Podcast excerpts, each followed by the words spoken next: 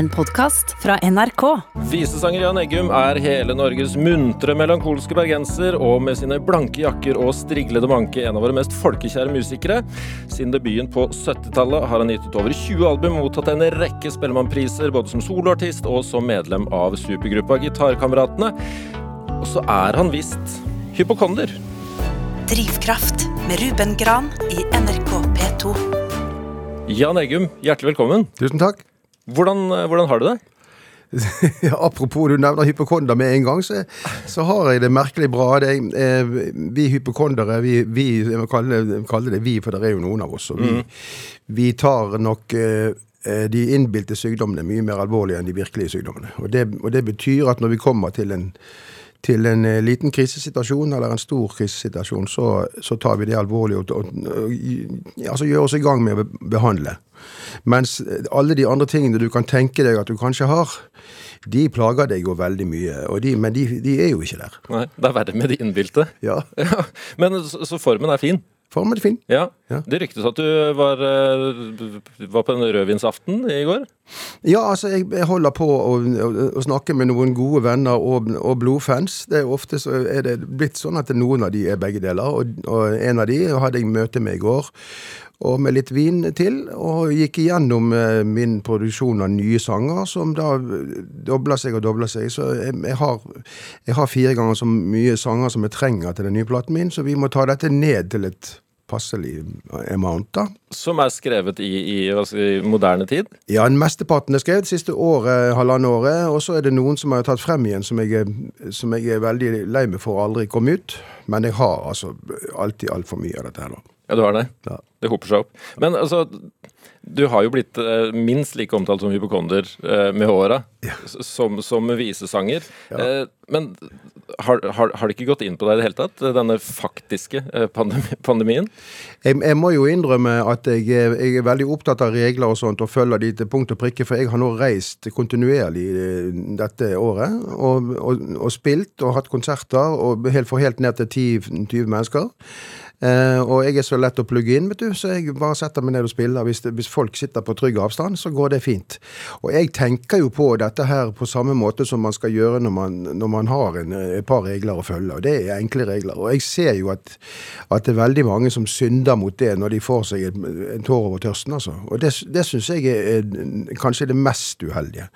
At, de ikke, at de, folk på, på en måte forandrer seg så mye at de kan klemme Gud og hvermann etter tre halvlitere. Det liker jeg ikke å se på. Men jeg er veldig, veldig veldig glad i å gå på kafé, så når jeg sitter på, på mitt stambord i en eller annen stamkafé, så kan jeg nå si eh, klart fra om at du vet, du kan ikke sitte her, vet du. Og det har jeg savnet å kunne si. Fordi at du, du blir litt overlegen og arrogant hvis du sier det, men nå har jeg lov til å si det. så det er kjekt, da. Men hvordan, ja, Kafé, Kafé Eggum er jo også en, en, en skikkelse vi har eh, fått skildra noen ganger. Ja. Hvordan er det å være i Oslo nå, da? Nei, Oslo øh, forsøker jeg nå å komme meg forbi så fort som mulig, for det er, det er, så, det er så spøkelsesaktig og så helt forbudt å sette seg ned et sted at det, at det frister ikke. Jeg, jeg er innom Oslo en, en dag i uken hele året, uansett situasjon, og, og besøker barna mine, da. Men bortsett fra det så holder jeg meg unna Oslo. I Bergen og i Skien, hvor jeg også bor halve uka, der er det ikke sånn. Akkurat nå, i hvert fall. Nei. Er det beroligende å ha en eh, kjæreste som er sykepleier eh, under en eh, pandemi for en hypokonder? Det er faktisk veldig skjerpende på hypokonderen, fordi at det har vært situasjoner hvor jeg har, hvor jeg har tatt bilde av et sted på kroppen, som er, og der er, akkurat der er det nå veldig, veldig vondt. Og da har hun, hun har en, en, en prosedyre på det, når jeg sender sånne bilder, at hun sier først 'ignore'. Og, og så prøver jeg det i 20 minutter, og da er det som oftest forbi. Men hun, så ble det, så ble det, hvis det blir sterkere enn det, så, så tenker jeg nok at hun, bare kommer med noen trøstens ord. Og de de slutter alltid med at du er nok eh, ikke så syk denne gangen heller. Nei. Har du vondt noe sted akkurat nå? Nei, nei, du trenger ikke svare på det. men, men når jeg hører på deg, så, så det høres det jo ikke ut som eh, koronaen har eh, ført til stillstand for, for Jan Eggum. Nei, og det har jo litt med det å gjøre at, eh, at jeg eh, er, er, på en måte plug and play, Eggum. Altså, jeg, eh, jeg trenger ikke budsjettene til, til Kurt Nilsen for å, for å, gjøre en konsert. Og det, og det, trenger han, og det er hans greie. Sånne ting med stort orkester og stor produksjon, det gjør ikke jeg. Og det, gjør, det ville jeg ikke gjort uansett korona. Altså, jeg kan altså spille i et lite lokale hvor folk sitter på, i, i trygg avstand. og og lage konserter med en gitar og en stemme. Og dette er jo Det er ikke bare mitt varemerke i alle, alle år, men det er, jo, det er jo der både jeg og publikum trives best, da. Men dette sier jo folk eh, både før og etter koronaen at at eh, ok, vi 60 vi hadde en helt fantastisk opplevelse, for vi hører plutselig på hver eneste setning du synger. Og det gjør man ikke alltid når ting flimrer forbi altså på et eller annet medium. Så, så jeg, jeg, har gjort omtrent det samme som jeg, som jeg har pleid å gjøre, og så fulgt reglene til punkt og prikke, og, og sagt ja til å spille for 40 mennesker. Og har altså hatt 100 konserter siden juni, altså. Så det går jo an, hvis man vil legge listen der at det ikke skal være så jævlig flott lysshow, da. Ja. Så går det greit. ja, For du er ikke så opptatt av lys? Ikke så veldig opptatt av det. Nei. Nei. Eh, men om jeg har forstått riktig. Du bor mest i Skien, eh, har kontor i Bergen, mm. eh, men er også i perioder i Oslo med, med de yngste barna dine. Mm. Hvordan trives du med den logistikken? Altså, jeg trives veldig godt generelt med å reise mye. Sånn, og det, hvis jeg ikke hadde gjort det, så hadde jeg ikke orket å reise i 45 år. For jeg har 100 reisedager minimum, altså, i, i året. Og den, den, form for kobling mellom, mellom to liv, et, et aleneliv i Bergen og et med kjæreste i Skien, og at jeg sørger for å holde jevnlig kontakt med barna mine, det, det, er, det gjør at jeg må, jeg må, ta mye fly.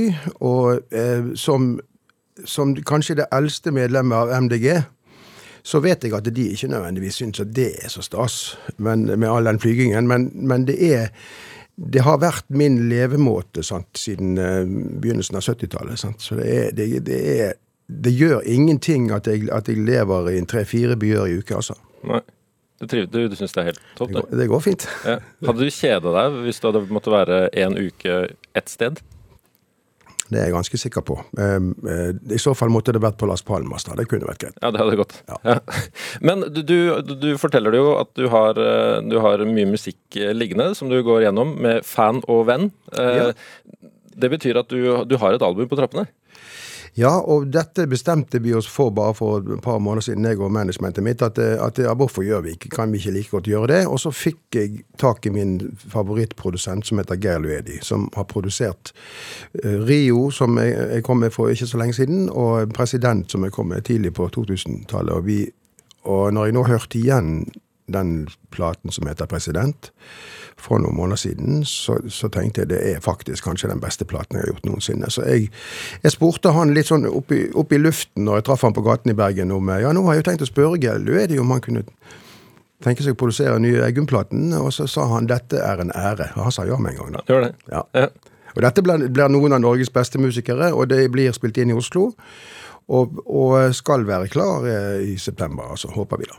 Men det betyr jo, med mindre du skal gi ut en svær boks igjen, da, så betyr jo det at du må, du må drepe en del av de låtbabyene der? Ja, jeg merker jo at uh, både management og produsent er litt skeptiske når jeg sier hvor, kan jeg få lov til å lage en dobbelt-LP. Mm med altså 20 låter. For det har jeg, det, det, jeg har 20 gode låter blant de 40, så det kan vi egentlig gjøre. Nei, de blir, de, Da er de litt nølende. Og jeg liker det formatet med LP, og jeg liker dobbelt-LP-formatet med utbredt cover enda bedre. Og jeg selger platene mine hovedsakelig bare etter konserter, men da selger jeg gjerne 30-40 stykker, altså. Og det er eh, Da får man en litt eksklusivitet på det også, at jeg signerer, og, og, det er folk som allerede har hørt konserten og sånn. Og det, det, jeg har lyst til å gjøre, jeg har gjort dette her i mange, mange år, men, men det, er, det, er, i hvert fall mitt hovedargument på, på å be om dobbelt-LP, da. Ja. Ja. Er, det et snev av stormannsgalskap i, i Jan Eggum? Det var jo veldig direkte spørsmål, og det, det, det vil jeg si et klart eh, ja til. fordi at eh, i, de, i de harde tidene, når, eh, som jeg kan godt nevne masse eksempler på, når jeg var relativt ung og fersk og hadde, hadde masse sanger og, og plateinnspilling som, som jeg syntes var helt fabelaktig, Uh, uansett hva noen sa, så syntes jeg det. Og da reiste jeg rundt og promoterte platene mine. Eh, og ringte til, eh, til avisredaksjonene og sa at eh, ja, det er Adresseavisa f.eks. i Trondheim, så var jeg, var jeg, der den dagen. Jeg måtte få gjort noe med det.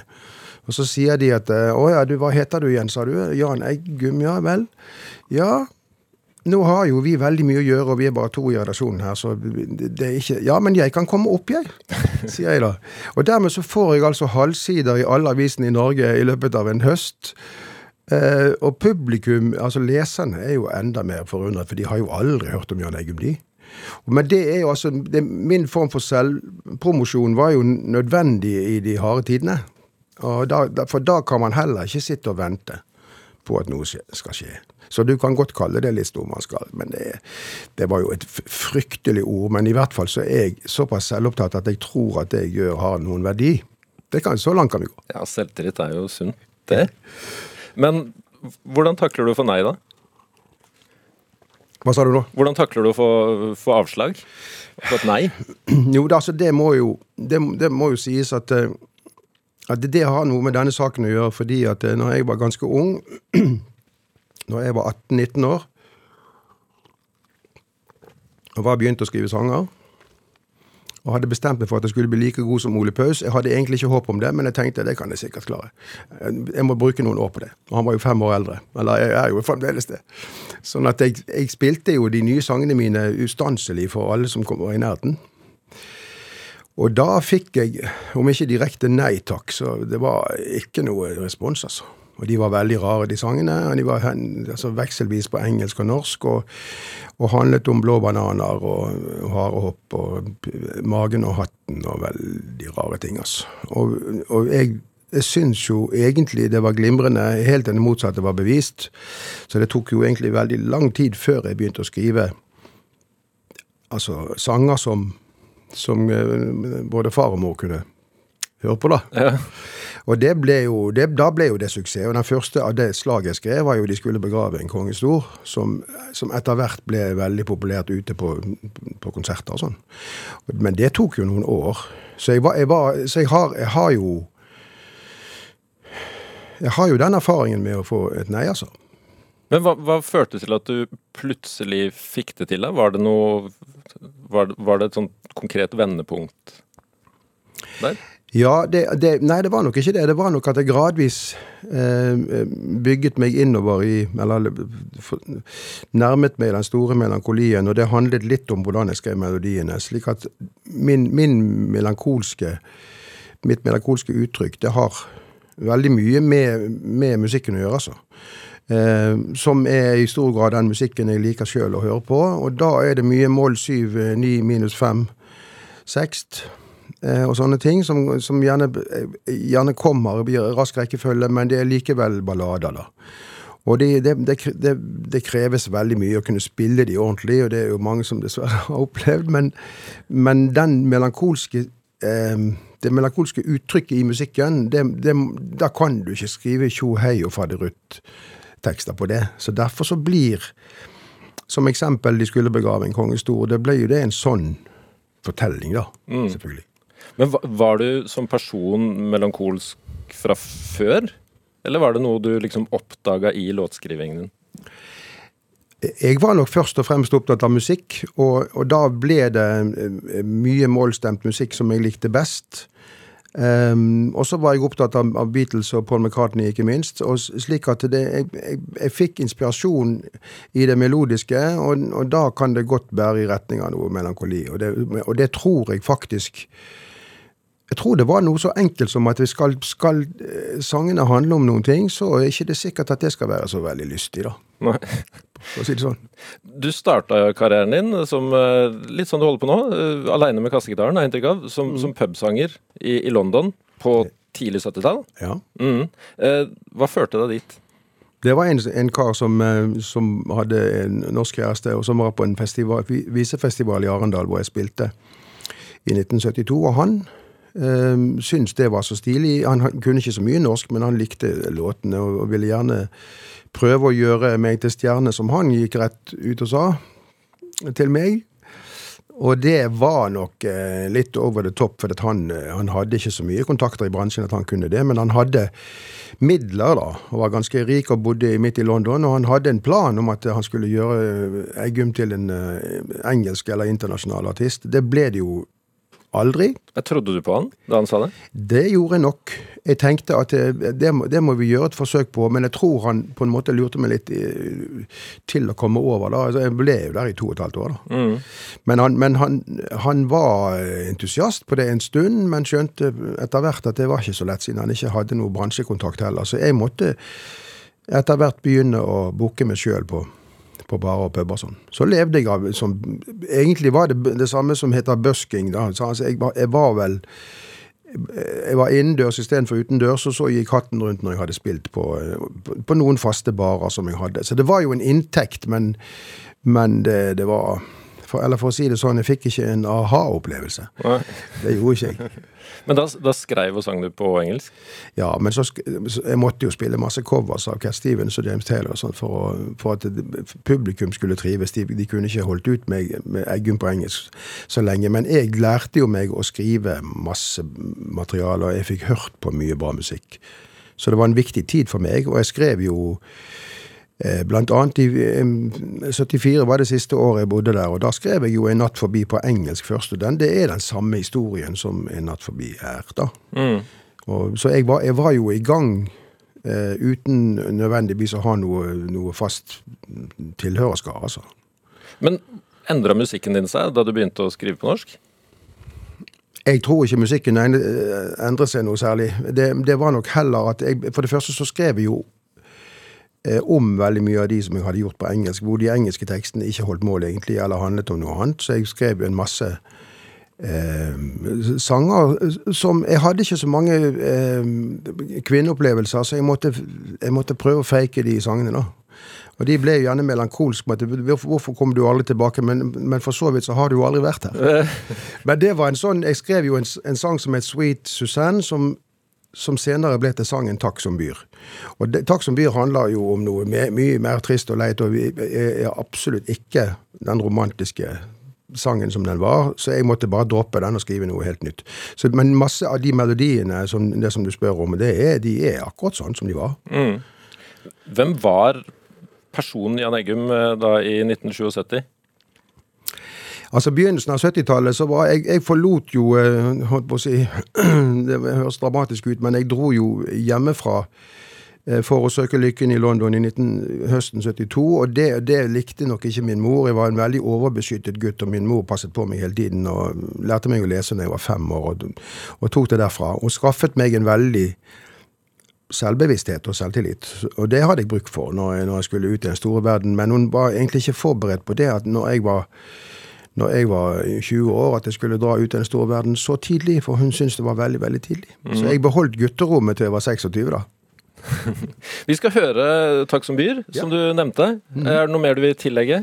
Om takk som byr, så er det bare å si at det er, det, det, det, det er trist at, eh, at, at man, at man, for eksempel en mann, skal bruke så lang tid på å forske kvinner på den måten som det beskrives her. da. Er Jan Eggum som er på besøk i Drivkraft. Dette er, eh, dette er han, anno 1977, med Takk som byr.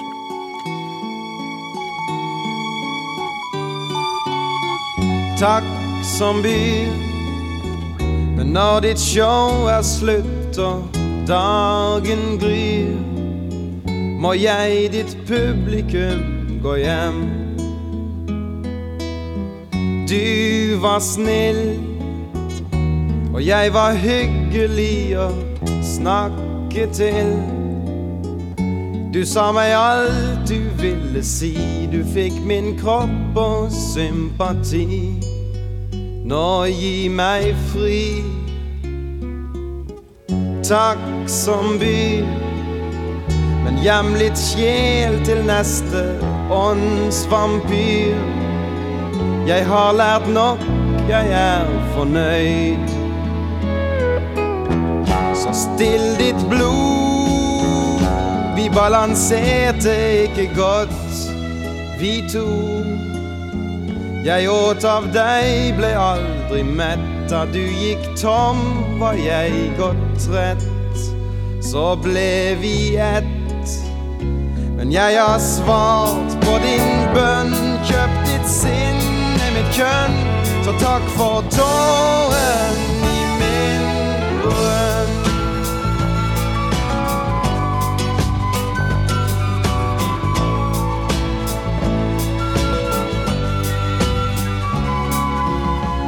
Takk som byr, men jeg ser alt som i et eventyr. Som brutte scener fra en film. Slik er jeg. Jeg suger opp der andre tømmer seg. Ditt blikk var vilt, din lyst var stor. Jeg tok ekstasen uten ord uten spor. Men jeg har svart på din bønn, kjøpt ditt sinne, mitt kjønn. Så takk for tåren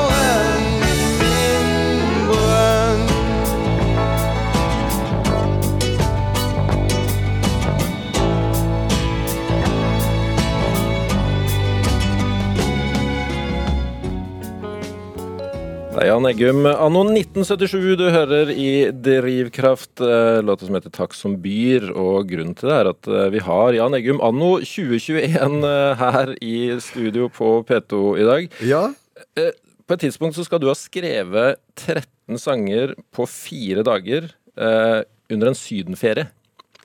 ja. Er det, er det, stemmer det ryktet? Det som, det som stemmer, er jo at, at det var 25 sanger på, på to uker. Oi. Eh, Men da hadde jeg vært i en tørkeperiode, og det betyr jo da for, meg at det er helt forferdelig. Jeg, dag, da jeg er jo dramaking på diverse områder, ikke bare på hypokondri, men også på, på eh, kreativitet. Eh, så et halvt år på midten av 80-tallet så, så skrev jeg ingenting. Og, og tenkte nå er alt slutt. Eh, og så tenkte jeg jeg får, gjøre, jeg får gi det en sjanse til, så jeg booket eh, to uker i, på, på Kanariøyene, og så hadde med meg litt utstyr. Og der kom det jammen én og to sanger per dag, vet du. Og no, noe av det ble jo eh, ikke brukt, fordi det var, ikke, det var halvferdig eller ikke helt vellykket, men veldig mye av det ble brukt siden. Eh, Blant annet 'Hvor i alle helter hen', som da ble en, en hit eh, ja, mange år etterpå, da, men som var fra den bunchen, da. Og det, så det stemmer, og, og dette er jeg litt opptatt av eh, nå også i moderne tid, at eh, hvis du oppdager at du er i en flyt, som det heter, det er mange artister som bruker det ordet, altså, så skal, du, så skal du gripe sjansen. Så nå når jeg sitter i Skien og, og, og, improviserer på flygel eller på gitar, og det kommer inn i en sånn flyt, så kommer det fem-seks eh, veldig gode skisser på, på løpende hånd. Og det er i grunnen en bedre måte å, å jobbe på, føler jeg det. For det er en følelsessak. Altså, hvis jeg setter meg ned og ingenting skjer, så kan jeg like godt gå vekk igjen, altså. Så det med flyt, det har jeg veldig respekt for, altså. Egentlig. Så du var aleine på den sydenferien, da? Ja, der, Ja. Jeg, der, og, ja, der sitter jeg og, og jobber helt alene. Og, Ja, Hvordan er det å være rundt når du har uh, tørkeperiode? Nei, det er ille. Det er, det, er som, det er den følelsen av at alt er forbi-følelsen. Og eh, jeg, jeg, sa, jeg, jeg sa jo det til kjæresten min, vi har vært sammen i fem år, og da det, det begynner med i det, det forholdet, så sa jo jeg at eh, som du har merket, så kan jeg være litt dramatisk. Ja, det hadde hun merket. Ja, Ja. Ja, du har omtalt 80-tallet ditt som eh, et tiår med kunstnerisk depresjon. Ja, altså det som, den, den kunstneriske depresjonen varte bare et halvt år, så det kan vi ta ned på det. Men det var, det var, det, det var kunstnerisk depresjon for ti år, egentlig på et halvt år. Men den andre depresjonen handler jo om at eh, etter å ha vært veldig hot eh, ung mann eh, for studentene på 70-tallet, så ble det nå en helt annen tid, som var jappetid og 80-tall og synt og mye av det som jeg ikke sto for. Og, og også politiserte sanger som, eh, som plutselig nesten ingen ville ha. Og sånn, slik at på midten av 80-tallet, eller, eller stort sett på 80-tallet, så slet jeg litt eh, med å trekke mer enn 20-30 mennesker. Så når nå koronaen kom, så er jo det en, for så vidt en god parallell. Du har, du har kanskje ikke lov til å spille for mer enn 30 mennesker. Men der, der har jeg eh, erfaring, gitt. Så det at jeg tenkte, når jeg spilte et, et, et, lite sted, og det kom 30, så var jeg altså så glad, for det kom jo bare 25 i fjor. Man må ta seg tid. Og jeg spilte jo eh, hele tiden, eh, som jeg har vært inne på, aleine, bare meg og gitaren. Og det, så det er, ikke- det, er ikke noe, det er ikke noe big deal å lage en konsert på en halv ukes varsel, altså. Det går, det går i en sånn mobilsituasjon som jeg har vært i, da. Men når vi snakker om 80-tallet, eh, vurderte du å liksom føye deg etter 80-tallssoundet? Jeg prøvde meg litt på det, ehm, og vi prøvde en god del på den EGGUM, het den platen som kom i 85, og den, eh, den hadde jo noen, noen sanger som ble husket i ettertid, blant annet Stilig og Mangsla kjærligheter. Eh, Men de versjonene som dukket opp da, det var et forsøk på å være, altså, være, være moderne og, og med, mine, med min akkordbruk som er fryktelig egentlig vanskelig å gjøre moderne. da. Du må, du må på en måte nesten være jazzmusiker for å få det til ordentlig. Slik at vi var nok litt ute og kjørte rent produksjons- og, og bandmessig på de platene, men men med en gang jeg var på turné, så var jo jeg der alene med gitaren, og det husket jo folk fra 77 og fra 79. Så det, at det, var ikke noe det var ikke noe vanskelig på den måten. Jeg, jeg savner jo av og til å og, og gjør det av og til. altså Ha et stort band på scenen og med, med fullt trøkk og sånn. Jeg har også spilt med, med flere symfoniorkestre, og det er jo det er jo en stor opplevelse, men, men jeg mister jo jeg, jeg føler jo da at jeg gir kontrollen litt til de andre, til arrangøren, til dirigenten eller til bandet og sånn. Og det Jeg vil helst tilbake igjen. Og det, nå, har jeg, nå ser jeg jo gjennom 28 000 anmeldelser eh, i forbindelse med den boken som kommer til høsten. Og så, så tenker jeg at det er noe som går igjen, og det er det at det var band, det låt fint, men jammen var det sterkest når Eggum kom ut alene på scenen. Altså. Og dette har gått igjen. Og det som har gått igjen på 80-tallet, apropos depresjon, det er veldig, veldig fin konsert. Altså, synd det kom så lite folk. For du gjorde jo mye på 80-tallet, og mye forskjellig. Du, Ja. du skrev for Enke Myhre, du var på TV, du var på radio. Du, du bidro jo veldig mye. Ja.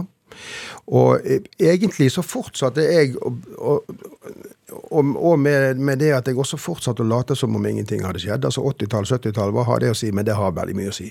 Og 90-tallet var jo mitt gjennombrudd eh, eh, kommersielt.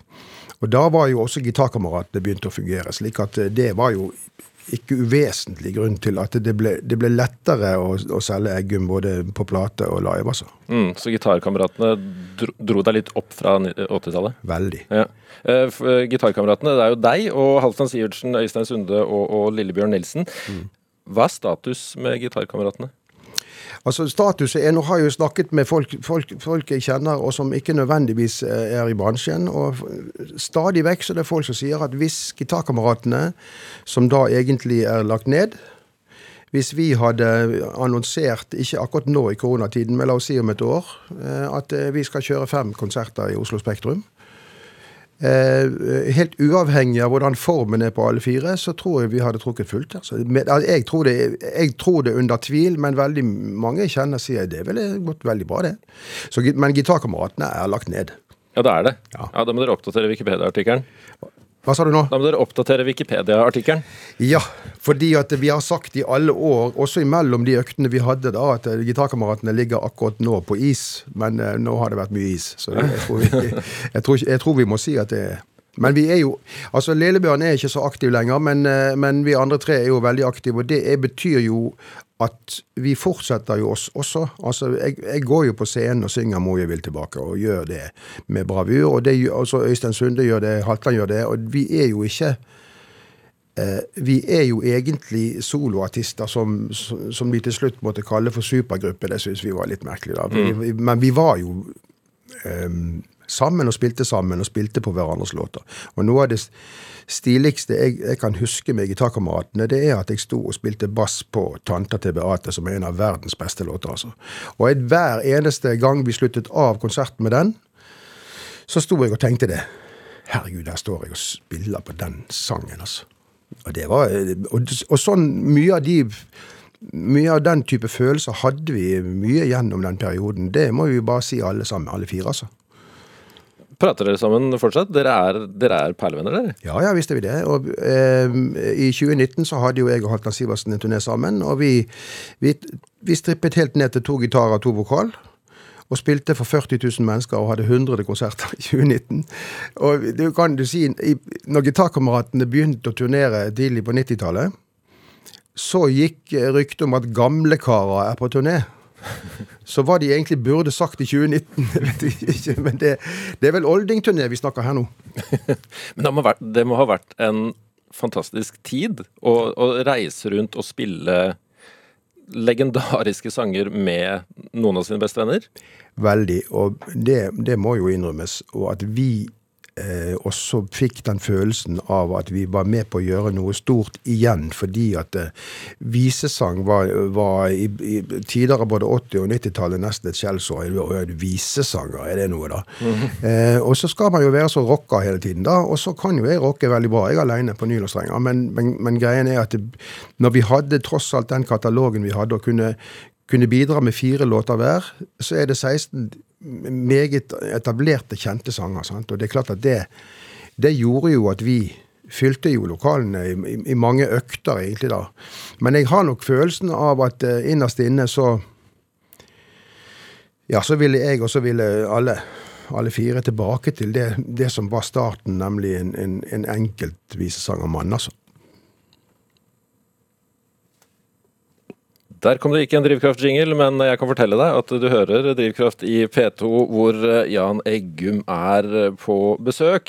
Eh, og jeg ser at du, du er ganske aktiv på, på, Facebook. Ikke minst så var du aktiv under årets Melodi Grand Prix. ja. Hvor du også har vært med sjøl, både som artist og låtskriver. Ja. Hvordan var det å være med som artist? Eh, jeg tror nok at jeg, Jeg, jeg trakket nok litt i de sirklene som, eh, som Melodi Grand Prix-artistene liker seg best. Og jeg så jeg, jeg, har pleid å si noe det ene året som jeg var med selv, eh, og kom på en soleklar tiendeplass av ti, eh, så stilte jeg litt i konfirmasjonsdressen og prøvde å være litt sånn streit eh, underholdningsartist, altså. Mm. Men 'Deilige drøm', som var den sangen, det, det var, den, den, var jeg svært fornøyd med, og det var veldig mange som likte godt den. Men, og det var 'For vår jord' som vant det året, og det var veldig fortjent, da. Men jeg, jeg, jeg tenker nok at grunnen til at jeg engasjerte meg litt på Facebook om, om Grand Prix nå, det er det at vi må huske at innerst inne, et, en eller annen gang på 60-tallet, så trodde folk at dette var en melodikonkurranse. Og det er en melodikonkurranse. Og Derfor den debatten med, som nå gikk med bl.a. Tix og Grønneberg, og som, som, eh, hvor Åge Steen Nilsen sier at eh, prøv å ikke se på de platåskoene. Hør litt på låten nå. Og Det har jo han fordømt rett i. Så Jeg, jeg syns ikke vi skal glemme at det er en melodikonkurranse. Og jeg har jo gått ut på et tidspunkt og vært litt sånn eh, bastant og sagt at Melodi Grand Prix bør være på radio. Vi skal høre på en sang, og vi skal ikke se på alt stæsjet. Det er ikke det som er, det er ikke danserne som skal gjøre låten. Og det, da tenker jeg at det hadde jo vært flott, det, men så sier jo alle nei, det er jo helt umulig. For det er jo et show. Ja, fordi, ja, for jeg, Nå er ikke dette et debattprogram, men, men du sa jo det sjøl. Du tok på deg eh, konfirmasjonsdressen. Tix eh, tok på seg pannebåndet og vingene. Ja. Det er jo mye å se der. Det er mye å se. Og eh, når jeg ser på det etterpå, så har det, har, det har gått bedre og bedre med å se på meg sjøl i 1988, altså. Det har, det, nå, nå, kan jeg tåle det, men i, i 1995 så syns jeg det var helt det var, det, ikke, ikke, gjør det mer. Men jeg har jo også skrevet sanger som har vært med, med i Melodi Grand Prix, og jeg, har, jeg kan her røpe fordi at det sikkert er foreldet juridisk at da, da Silje Nergård debuterte som 18-åring i Melodi Grand Prix med en sang som het Si det, si det Eh, så var, satt jeg og, og tok ut bl.a. musikere til, eh, til, deler av det programmet. Jeg husker ikke hvilken sammenheng, men det, det var, dette er jo også lenge siden. Jeg tipper det er altså sent 80-tall. Men, men, Silje hadde ikke skrevet tekst når hun kom med, med sin melodi, så den teksten skrev jeg. Hey. Så jeg var altså på diverse sider av bordet når det gjaldt akkurat den låten. Den, den, den vant ikke, så vi, vi, vi, vi, føler oss trygge og kan si det nå. Ja. Mm. Ja. Men hvordan takla du det tapet, da? Sisteplass? Kom an, det, det må ha svidd litt? Ja, det, det, er, det, er, egentlig det at jeg var, jeg var så, såpass stor i kjeften som jeg kan være i, i, forkant av programmet og sa at jeg ikke er interessert i å vil, vinne, jeg vil bare delta. Og, og, i et konkurranseprogram så er det klart at mange vil lure. Hvorfor er du da med i det hele tatt? Men, men det, er, det, er, For meg så har, hele, så har, det hele livet vært mer interessant i å delta enn, enn å vinne. Og det kan, det kan jeg stå for. Og, og når datteren min vant Melodi Grand Prix Junior nå, med, med sin, sin, egen sang, 'Kan ikke la deg gå', så, så satt jeg og så på i, i, i Telemark på TV og var helt sjokkert over, over blant annet hvor flink hun var, selvfølgelig. Men, men at det, er, det var veldig stort for meg at hun var med. Eh, og det var nærmest et sjokk at hun vant, da. Men det er klart at det, det, å delta, det er jo det jeg føler at jeg har bevist i 45 år, at jeg deltar. Altså, jeg, jeg er ikke ute etter å, å, å vinne, og jeg vil heller jeg vil helst ikke være med i programmer hvor du blir stemt ut. Eller inn. Så derfor så, så elsker jo jeg hver gang vi møtes formen, da. For den der, det, vi, vi, er, får lov å være med hele tiden. Det syns jeg er fint. Ja, ingen, ingen blir stemt på gangen? Ingen blir stemt ut. Nei. Men hva, hva kjente du inni deg da, da datteren din vant MGP junior? Jeg ble jo veldig glad, men jeg ble, jeg ble ganske sjokkert. Og jeg tror nok at fordi jeg vet at hun er veldig musikalsk og driver og deltar i masse musical som vil bli musicalartist, og er bare tolv år. Skrev den sangen da hun var ti. Så tenker jeg at ok, det er, det er, noe der som ligger i henne som også lå i meg. Jeg vokste opp med foreldre som var veldig musikalsk, og som ikke drev med dette, men som skrev låter sjøl, til og med på 50-tallet. Og jeg hadde da ikke noe rar følelse jeg av å være 15-16 år og begynne å skrive sanger. Fordi at det, det, var, det, gjorde jeg jo hjemme hos meg, så da hvorfor ikke? Og sånn har jo um, Hennika Eggemhuset og, og Bastian Eggemhuset de, de, har fått den oppveksten. Og er nå 12 og snart 16, og de, de syns ikke det er rart, det. Å skrive en låt sjøl. Og, og synge den gjerne. Det er ikke noe Det gjør, meg, det gjør jo farmor. Så det går bra. Men Spiller dere mye sammen, eller har dere spilt mye sammen? Vi har, vi har, ikke gjort så mye sammen. Vi har gjestet litt på noen steder, og sånt, men det, det, det har aldri vært noe poeng, det. Men vi har, vi har jo jevnlig kontakt, og, jeg, og siden og siden uh, Hennika Dass stilte med egen låt, og vant med egen låt, så har jeg sagt at ja, det er ikke sikkert at en musikalartist du skal bli, selv om hun har veldig lyst til det, da. Kanskje du skal bare fortsette å skrive, og så se hva det blir til. For, for um, hun har jo en låtskriverfar, og det er det er drivkraften, for å si det sånn, altså. Det er mm. veldig Derfor så gikk jeg nesten i kjelleren når jeg ikke kunne skrive på et halvt år. Og nå skriver jeg jo altfor mye, men jeg, jeg sjalter heldigvis ut det som ikke ble bra, da. Noe du også gjør, er at du samler. Har Hennika fått plass i samlingen din? Ja da, det er klart. Eh, og det, det, det, har jo, de har jo de fleste Jeg, jeg forsøkte nå å komme på hva som var det siste jeg fikk til samlingen min. Jeg har, jeg har eh, over 25 000 norske utgivelser, og det betyr i alle format. Uh, og derfor så er, ja, Det er ikke bare derfor, men en av grunnene til at jeg liker det, det er at jeg syns det skal være noe fysiske bevis på musikk. Altså at ikke alt skal være nedlastet. Og det, eh, det står jeg for fremdeles. Og nå, uh, nå samlingen min er i Bergen og jeg holder på å sortere, og det er en forferdelig svær jobb. Det har ligget lagret, og nå skal det opp og, og komme til syne. Og jeg har jo nesten 10 000 norske LP-plater, og det er jo det er jo kjernen i samlingen, på en måte.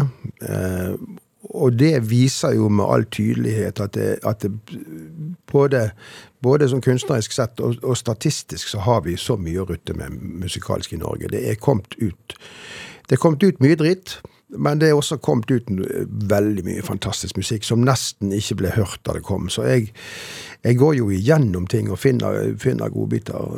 Jeg husker når jeg fant en plate av Kai Eide som heter Open Up, som kom eh, rundt, eh, rundt, slutten av 70-tallet. Som er en samling med poplåter. Som, eh, som, fullstendig matcher Paul McCartney sine beste låter. Og dette sa jo Kai til pressen i 1979. sant?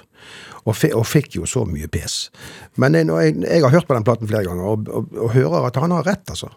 Men altså, det å, være, det å være så stor leppe, det er litt sånn farlig og sånt. Mm. Jeg, jeg, prøver, jeg, prøver å unngå det selv, men det er ikke alltid jeg får til. det er ikke det. Men hvorfor samler du? Eller hvor, hvordan, hvorfor begynte du? Det er nok det noe som heter samlergen. Jeg har samlet på mye annet som jeg måtte droppe. Jeg begynte å samle Donald Duck da, en gang, og var, da fikk jeg beskjed i en bruktbutikk at uh, han viste meg at hele den svære veggen der, hvis du skal ha alt av Donald Duck, så, så, må du ha en veldig svær vegg, altså. Selv om det står innover, det, det bladet. så det, men jeg har Donald Duck helt tilbake til, til, uh, til 1949. Men jeg begynte å samle musikk fordi det var tross alt mitt, uh, mitt gebet. og jeg, jeg visste at det fantes veldig mye bra ting da, og veldig mye av det, selvfølgelig. Så tidlig 90-tall så begynte jeg for, al for alvor å, å utvide ei egen samling som jeg hadde en del av. Og, og, og, ville spesialisere meg på det norske. Og så, fikk, så fikk jeg anledning til å kjøpe en kjempesamling med rett og slett 78-plater, altså steinkaker fra, fra alt, hvor alt var fra før 1955 helt tilbake til 1915. Det var jo, det var jo selvfølgelig veldig mye der som var ukurant, og utenlandsk og svensk og dansk og sånn, men jeg, jeg endte opp med foreløpig sikkert 1500 veldig, veldig gamle plater. Og, og det lar seg nå spille av på, på sånne gammelmoderne spillere. Da. Så, det, så det hører jeg på en gang iblant. Og, av og til så imponerer jeg folk på Facebook med å vise bilder av originalen til Gerd og Otto fra 1934. da. Så det var en musiker som heter Tom Lund, som jeg også har jobbet en del med, som, som var helt, han var helt sjokkert. Har du originalen? Så det, det, er noen der ute som syns at dette er gøy, da. Og det er, det er faktisk gøy, men du må nok ha det kjente samlergenet, da. Men vi mennesker har jo en tendens til å samle på, på ymse ting og forskjellige måter. Hva tror du det er i mennesket som gjør at vi har det behovet? Jeg tror, jeg tror, det ligger egentlig at du skal, du skal, vite alt om det du samler på, og det, skal, og det, kommer tydeligst frem når du har det på veggen eller stående i hyllen, eller du har organisert det. Det er jo det viktigste. At det skal stå fra A til Å. Jeg, jeg, jeg skrev Jeg var redaktør for Norsk pop- og rock-leksikon i 2005. Eh, sammen med Bård Ose og Siren Steen. Siren Steen var da sjef for Musikkbiblioteket i Bergen. og, har, hun, hun, eh, kommer heldigvis av og til på besøk og begynner å rydde ting som jeg har. For det, det, der, hun, der, kan hun eh, gjøre så mye på ti minutter som jeg aldri ville få til. Men vi ga jo altså ut Norsk rock- og pop-leksikon. Eh, og som solgte 20 000 X. og det var, det var, såpass eh, tidlig, så i 2005 så kunne du selge en sånn bok i det opplaget. Vi var veldig, veldig happy med det. Og der står jo det aller, aller viktigste i, i gjennom 100 år av popmusikk. Altså, vi gikk jo helt tilbake til 78-tiden, da. Og det var veldig moro å se hvordan en sånn samling kan komme til sin rett, fordi at vi brukte jo da bilder av plater som jeg stort sett hadde alle sammen, av disse artistene. da. Så det ble, det ble skumlet litt etterpå om at at jeg hadde, etter Wenche Myhralf Prøysen og et par til, så hadde jeg det største innslaget i den boken. Og det visste ikke jeg før etterpå. Så det, det, nå kan jeg si det til det norske folk. Det var ikke meg som bestemte. men, men, hva er det du har som har fått deg til å bruse i blodet ditt av nyere norsk musikk eh, i det siste? Om du, om du så har det i samlingen eller ikke? Altså det, det, som er, det, som er, nå tilfellet, er jo selvfølgelig at ja, for det første så har jeg, har jeg eh, ikke lagt ned virksomheten, men jeg har tatt en pause i å kjøpe inn ting. fordi at det å gi ut en plate nå, det er mer et statement enn, et salgsobjekt, og det vet jo alle. Eh, fordi at du kan uansett få tak i det på nettet, men, men jeg, eh, jeg tenker at da skal jeg heller være med på det, og forsøke å finne ut hva som skjer. Og, um, så hvis du nå spør meg om noe virkelig nytt og sånn, så, så er jeg ikke til stede akkurat nå. Men, men eh, vi, vi, kommer sterkt igjen, og jeg vil fryktelig gjerne gi, gi ut en plate med det for øye at en, en, en, plate er en plate, og du markerer at det, det kom noe nytt. da. Så det ja. vil jeg gjerne. Har du noe Ole Paus i samlinga di, eller? Ja, jeg har, jeg har noe komplett Ole. Han har nok en, en, fem eller ti plater flere enn meg, men han har jo litt fem års lengre fartstid. Men Ole Paus var jo, eh, som så vidt nevnt i sted, altså den som fikk meg til å tro at det, det går an å bli skikkelig flink visedikter, altså. Og eh, vi, vi, er jo gode venner nå, og han syns det er kjempeflaut å snakke om i det hele tatt. Og jeg, når, sist når vi snakket sammen, så sa jeg noe om at eh, ja, nå begynner folk å kalle meg veteran, vet du, Ole, sa jeg. Og så sier han ja, det er jeg veldig glad for, jeg er lei av det. Eh, du har tatt med deg en låt eh, fra, fra hans debut, eh, fra 1970. Ja. Rodrik Nilsen. -hmm. hva, hva, hva, hva, kommer du til å kjenne nå, når vi setter den på? Det er, det er det er jo 18-åringen som hører på, på Norges beste plate akkurat nå.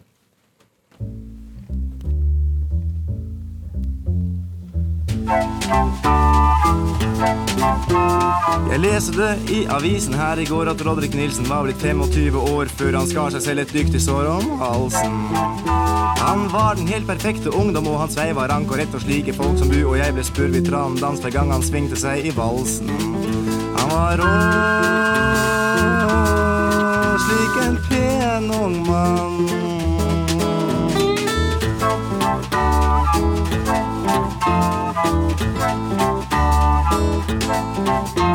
Som liten var han alle mødres stille trøst. Var Rodrik med, ble alle vanskeligheter løst. For Rodrik hadde gudvill helt fra første gang man så ham.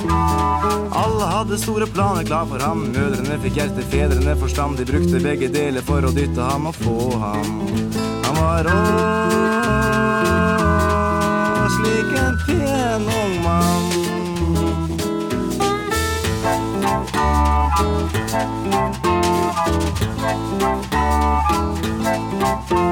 Blant piker var han selve festen i hver fest. Han var et vakkert hjerte bak en vakker vest. Og Rodrik var den fødte sengehest, det visste alle.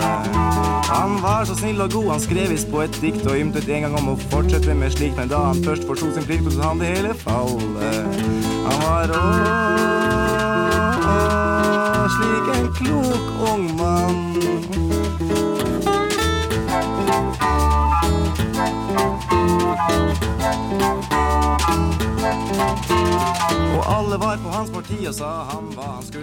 Det er Ole Paus du hører på PT med Rodrik Nilsen, som eh, du hører fordi Jan Eggum er gjest her i Drivkraft eh, i dag. Ja. Og ja, drivkraften formelig bruser i studio her. Og apropos brusing. Eh, Fins det lykkelige skilsmisser? Skilsmisser er, er jo da hvordan en, hvordan en skilsmisse eh, blir. Det handler jo om eh, hva man har forventet seg. Og eh, i noen tilfeller så Slik som det er med meg, for å ta et helt tilfeldig eksempel, så er det jo slik at du, du går inn i et forhold med, med, med visshet om at det er det er minst like stor sjanse for at det skal ta slutt som at det skal vare evig. Og når du har den holdningen som jeg har hatt fra jeg var ganske ung, 18-19 år før jeg hadde vært sammen med en kvinne i det hele tatt, så jeg har hatt den eh, holdningen at eh, vi tar, vi tar en, en, del tid av gangen. Vi kan ta et år av gangen, en uke eller fem år av gangen, men det, det kan hende at det ikke går så bra, og at vi må si farvel. Og, og, slik har jeg hatt det to ganger etter to lange forhold. Ett på 20 år og ett på 18 år. Og jeg, jeg følte jo um, da akkurat det at, at nå, nå, ser det ut som dette er eh, i ferd med å dabbe av, og da, da, blir det nok Da går det nok mot en slutt. Det, men det betyr jo ikke at den skilsmissen er lykkelig, fordi at det er såpass mye um, bra, da, som da blir gitt på båten. Altså såpass mye bra som har vært. Og um, dette er spesielt uh, aktuelt og engasjerende for meg akkurat nå, fordi jeg skriver min selvbiografi som skal ut til høsten. Og da skal, da skal de to meget lange forholdene De skal, de skal uh, ikke akkurat dissekeres, men de skal undersøkes grundig fordi at det er det er to helt forskjellige typer forhold. Selv om jeg har vært veldig glad i begge kvinnene, sant? så er det det å skrive om det på en ordentlig måte som som ikke sårer noen, men som forsøker å beskrive det så godt som mulig. Men et, en ordentlig lykkelig skilsmisse, det tror jeg nok ikke på, altså. Nei, når du nevner selvbiografien der, det høres jo ut som ganske sår materie å skulle liksom besøke igjen? Ja, det som er sårt med det, er jo det at det kan jo hende at, at, at disse ekskjærestene mine Jeg har jo aldri vært gifta, men vi var som sagt lenge, lenge, lenge sammen.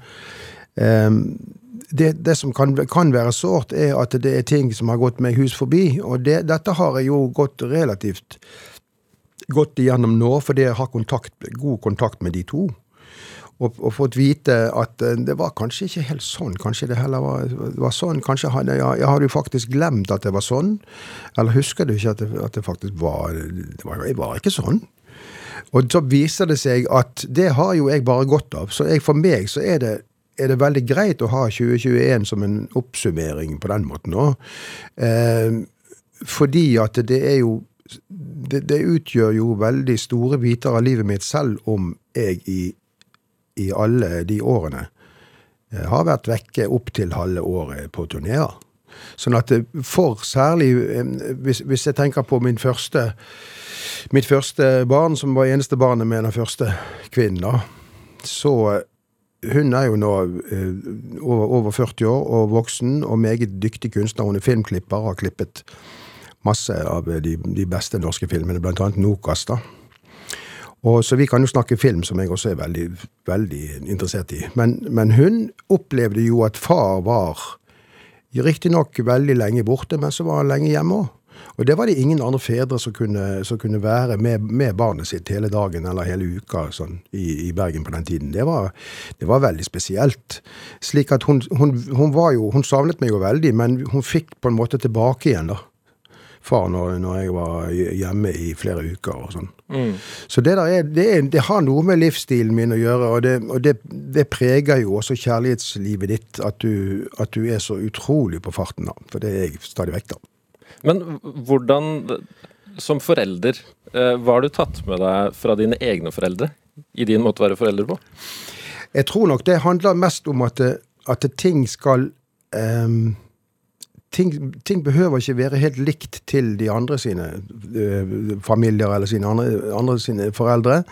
Eh, og i et, i et, eksempel her nå fra altså når jeg var sammen med Kaja Huse i 18 år, så etter hvert når vi fikk barn, da, så var det en, en situasjon som lignet eh, altså på, på, min oppvekst. Eh, som riktignok var enebarn og ble litt overbeskyttet, må jo sies.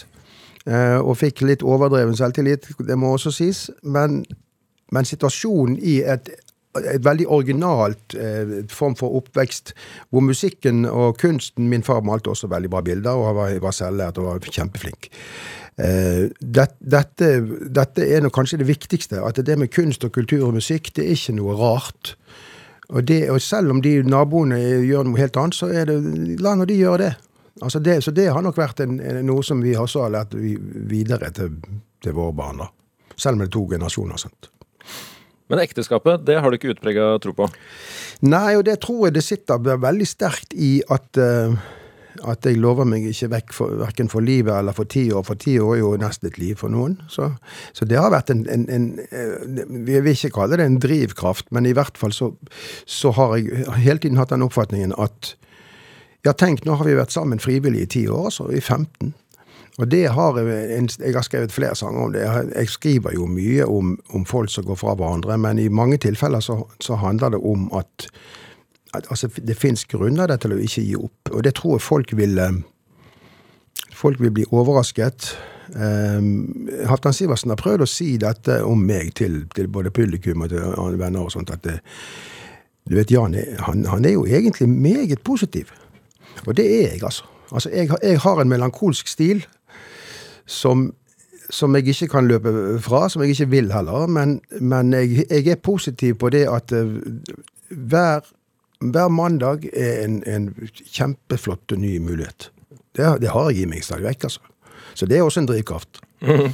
Ja, Så må du ikke tro på ekteskapet. Kjærligheten har jeg inntrykk av at du tror på? Ja, og så har jeg jo um, Jeg har for så vidt hatt en, en, en, situasjon som er veldig urealistisk for veldig mange, både menn og kvinner. At du blir etter hvert en ettertraktet artist, og så blir du blir du en stor kjendis, og så blir du en, en, som veldig mange kvinner vil bli kjent med. Og da må man eh, eh, jeg, jeg, vet ikke om jeg hele tiden har klart det, det tror jeg ikke. Man må trekke litt fra. Altså, er det, er det Jan eller er det Jan Eggum hun vil være sammen med? Og det må man, Da må man tenke seg litt om. Det, I hvert fall det syns psykologen min var veldig bra sagt. Men apropos det at du, du opplever det som positivt. Du ble tildelt Solprisen på et tidspunkt eh, for å ha spredd sol og glede til det norske folk. Ja. Det høres ikke ut som en melakoliker, det. Nei, og, var, og det var jo attpåtil på Rjukan, hvor den prisen ble delt ut. Så jeg, jeg skjønte at jeg, jeg, måtte ha noe med det å gjøre. Men det, det er mulig at de hadde en, en, god dag når jeg kom, for det var ganske lyst mm. når jeg kom. Men når, når blir Jan Eggum sur, da?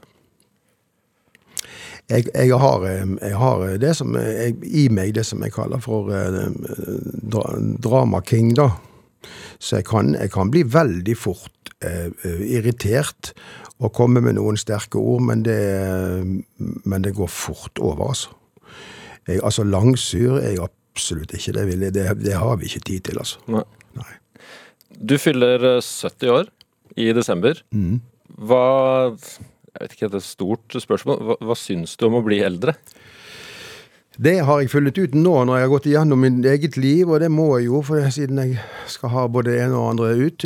Det er noen gale mennesker, inkludert Bård Ose på den kanten, som skal gi ut absolutt alle tekstene jeg har skrevet i hele mitt liv. Som er kommet ut på en eller annen måte på scenen eller på plate. Det er jo mange hundre, det. Og at forlaget regner det som en salgssuksess, det, det får bli opp til de. Men, jeg, men nå, nå tenker jeg at, at mitt eh, Altså, eh, mitt tidligere liv som artist som 25-åring og 30-åring og 35-åring, eh, eller i hvert fall den første biten der når de første platene kom på 70-tallet, jeg, jeg har veldig eh, beundring for selvtilliten min, men jeg har ikke så stor beundring for mangel på modenhet som den viser. Så jeg syns dette er ikke reklame eller kom- kommers, men jeg syns jeg skriver bedre sanger enn noensinne. Og, og, så det får folk synes hva de vil. Jeg syns ikke alltid det om mange artister som jeg liker. Jeg syns de skrev bedre før. Men, for det blir jo mer av det samme, og du kan høre Eggum fra første tone, men, men jeg syns at jeg jeg lar ikke lettvinthetene komme frem så eh, ofte som jeg gjorde før. Det kan jeg i hvert fall si. Så stor eh, tekstutgivelse. Det kommer selvbiografi, det kommer album. Det blir nok av eh, markering av eh, 70-årsjubileet. Hva, hvis du nå skal oppsummere, jeg vet at du har sittet og tenkt litt på det hele den timen her. Hva er drivkraften din? Da, det, er, det viktigste drivkraften i meg, det er at jeg kan eh, og prøver å overføre det som jeg opplever av, av mennesker og livet rundt meg og mitt eget liv, til eh, musikk og tekst. Og, og så lenge det er intakt faktisk hver eneste uke på en eller annen måte, så er jeg veldig glad for det. Jan Eggum, tusen takk for besøket. Takk, takk. Du hører flere Drivkraft-samtaler i NRK-appen eller der du henter podkastene dine. Og så kan du gjerne sende oss tilbakemeldinger og tips om mennesker du mener har drivkraft, på e-post drivkraftalfakrøll.nrk.no. Og så finner du selvsagt NRK Drivkraft på Instagram. Produsent i dag har vært Julia Martinczyk, og Anne Sofie Stang og Kjartan Aarsand har bidratt uvurderlig. Jeg har vært Ruben Gran. Ha det godt. Vi hørs. Du har hørt en podkast fra NRK.